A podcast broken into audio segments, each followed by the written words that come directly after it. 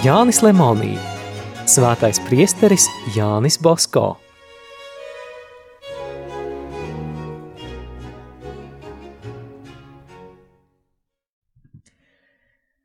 Tūkstoš 882. gadā turpina priesteris Albērs.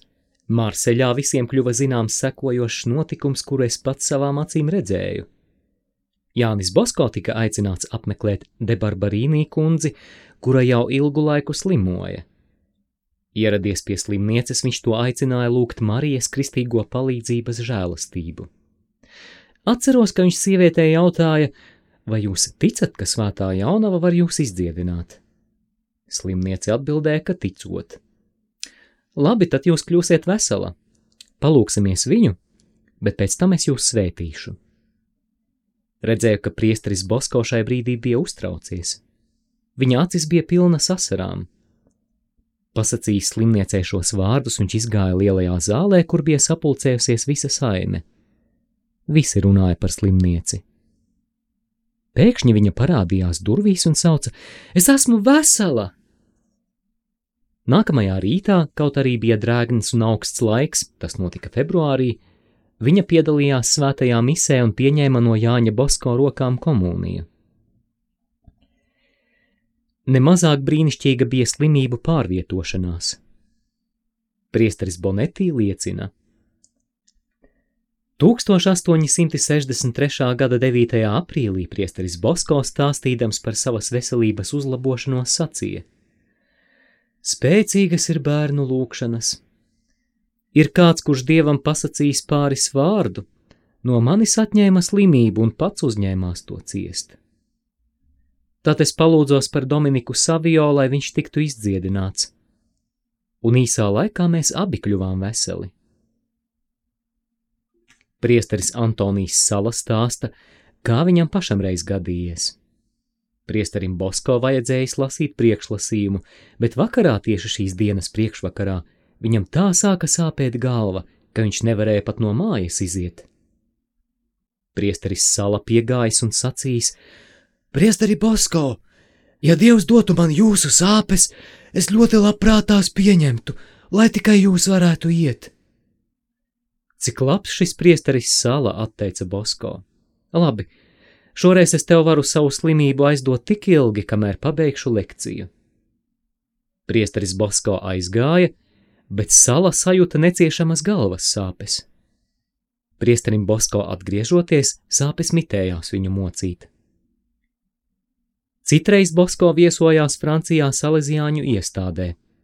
Tur notika svinības. Bija uzaicināti daudzi pazīstami labdari un ievērojami viesi.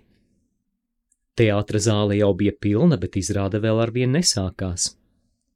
Iestādes direktors piegāja pie priestera Boska un norūpējies paziņoja, ka viens audzēknis, kam izrādē bija galvenā loma, nevarot vairs parunāt. Viņš esot aizsmacis. Priesteris Bosko pasauca puisēnu, sveitīja viņu un smaidīdams teica: Tagad ej uz izrādi, es tev aizdodu savu balsi.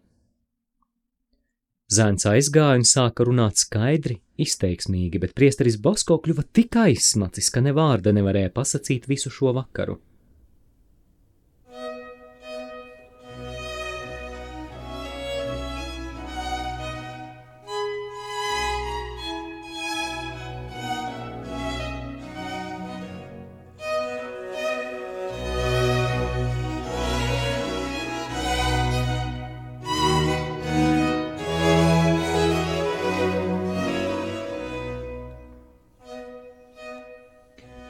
Pārdabiski notikumi priestera Bosko dzīvē bija ikdienišķa parādība. Šo notikumu vidū jāpiemina brīnišķīgā pavairošana.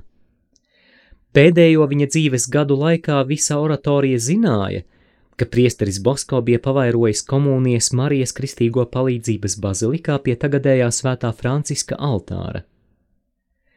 1860. gadā priesteris pavairoja maizes kukulīšus savu zēnu brokastīm.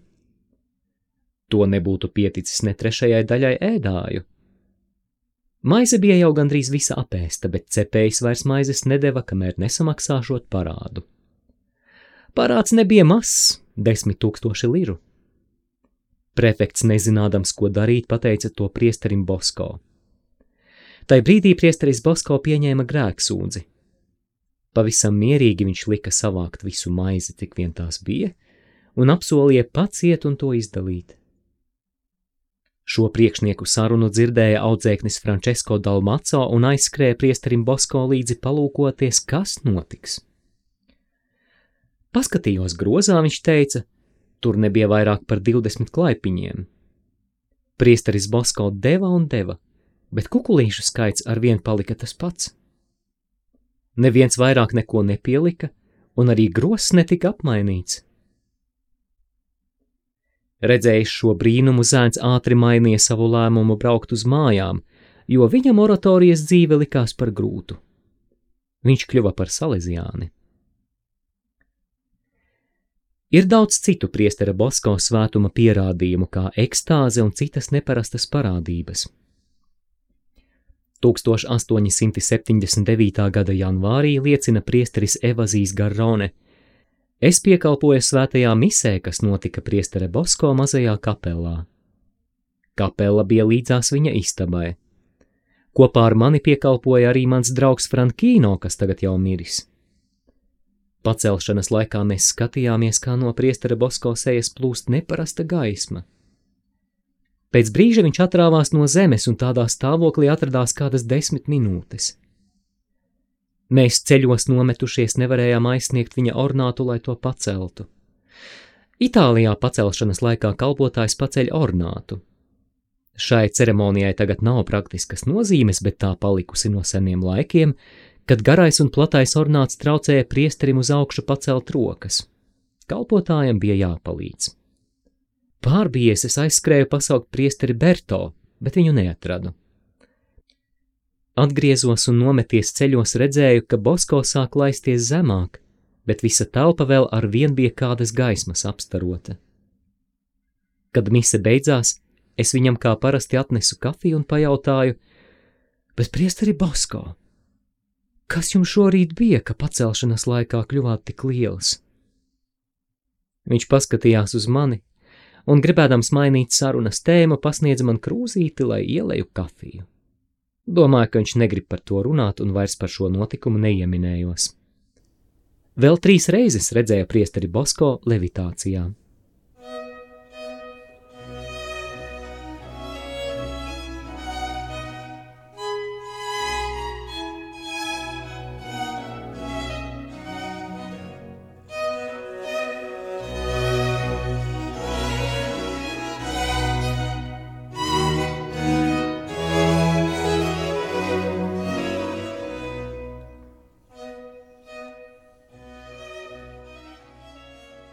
Sniedzam arī māsas Feličitas Torretas Marijas Kristīgo palīdzības meitu kongregācijas mūķenes liecību. Tas bija 1887. gada augustā. Priesteris Bosko atpūtās Lanco, jo bija ļoti novārdzis un slims. Tai laikā es biju iecelta par Lingoto patversmes vadītāju. Priesteris Bonetti, mūsu vecākais kapelāns, mani aizsūtīja uz Lanco, lūgt mūsu labā tēva svētību. Pēcpusdienā pulksten diviem es iegāju priestera Bosko priekšistabā gaidīt savu kārtu. Viņa sekretārs, priesteris Viljetī, bija kaut kur aizbraucis.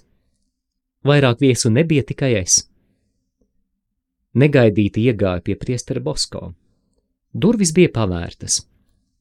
Priesteris Bosko, mirdzošas gaismas apņemts, sēdēja, šķitēt kā klausoties kādā. Viņa sejas izteiksmi nevar ne attēlot, ne aprakstīt.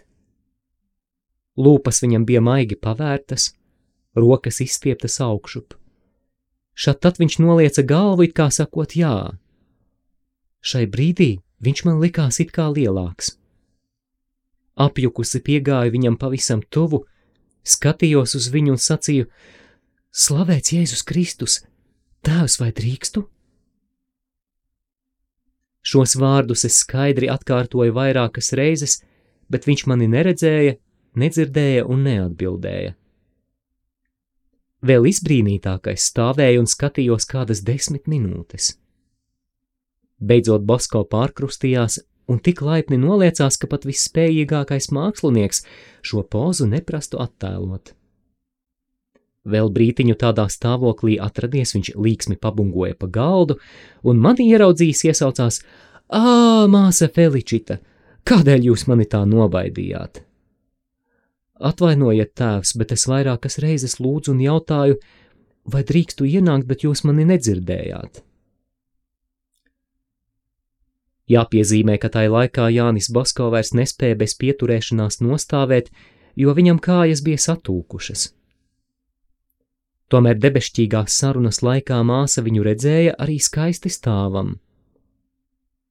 Citu reizi Jāņa Bosko seja tā mirdzēja, ka likās viņa dvēselē nonākusi debesu gaisma. Tādu viņu reiz redzēja kāds oratorijas audzēknis, ejot no rīta uz Marijas Kristīgo palīdzības baznīcu celebrēt svēto misi. Sākumā viņš Jāni Bosko pat nepazina. Tikai tad, kad gaisma izzuda, viņš redzēja ierasto jaunatnes apustuļa smaidu. Kādu dienu, kad Jānis Boskos prediķoja par svētās jaunavas bezvainīgo ieņemšanu, notika līdzīga parādība. Giuseppe Brozio raksta, viņa seja pēkšņi kļuva tik gaiša, ka likās to apspīd no iekšienes spēcīga slāpas liesma. To redzēja pats savām acīm. Priesteris Lemonī, rakstīdams par šo gadījumu, lūk, ko saka. Pēdējos mūža gados priestera Bosko acis bija tik nogurušas, ka ārsti viņam aizliedza strādāt pie mākslīgā apgaismojuma un krēslas stundā ieteica atpūsties. Šajā laikā viņš pieņēma viesus vai lūdzās. Bez tam katru vakaru noteiktā laikā viņš pieņēma mani. Gāju it kā tādēļ, lai viņam pakavētu laiku, bet patiesībā gribēju no viņa kaut ko dzirdēt, kādas atmiņas, lai precīzāk varētu izgaismot viņa personību un darbību. Kādu vakaru iegāju viņa istabiņā un kā parasti viņu sveicināju, bet priesteris Bosko atbildot tikai sacīja: Tu ilgi dzīvosi. Atsēdos priesterim līdzās uz sola un ieraudzīju kaut ko savādu. Priestera Bosko seja sāka pamazām skaidroties, līdz tā kļuva pilnīgi gaiša. Nobijies es pieskrēju pie loga paskatīties, vai varbūt pagalmā nav kāda gaisma, kas viņa seju apspīdētu, bet nekā tur nebija. Šī parādība atkārtojās trīs vakarus pēc kārtas. Katru reizi seja sāka pamazām mirdzēt, kļuva ļoti gaiša un maiga, un pēc tam apdzisa. Pēc kāda laika gaisma pavisam izzuda.